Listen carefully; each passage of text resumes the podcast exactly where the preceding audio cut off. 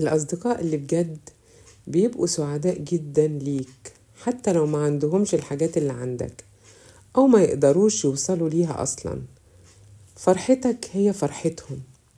لو عندك ناس زي دول لازم تحافظ عليهم وتاخد بالك منهم وتحميهم لأن الأصدقاء الحقيقيين هدية من الحياة. كنت عايزة أقول لكم برضو إن أنتوا ممكن تتابعوني على تيك توك فنجان قهوة مع جيهان.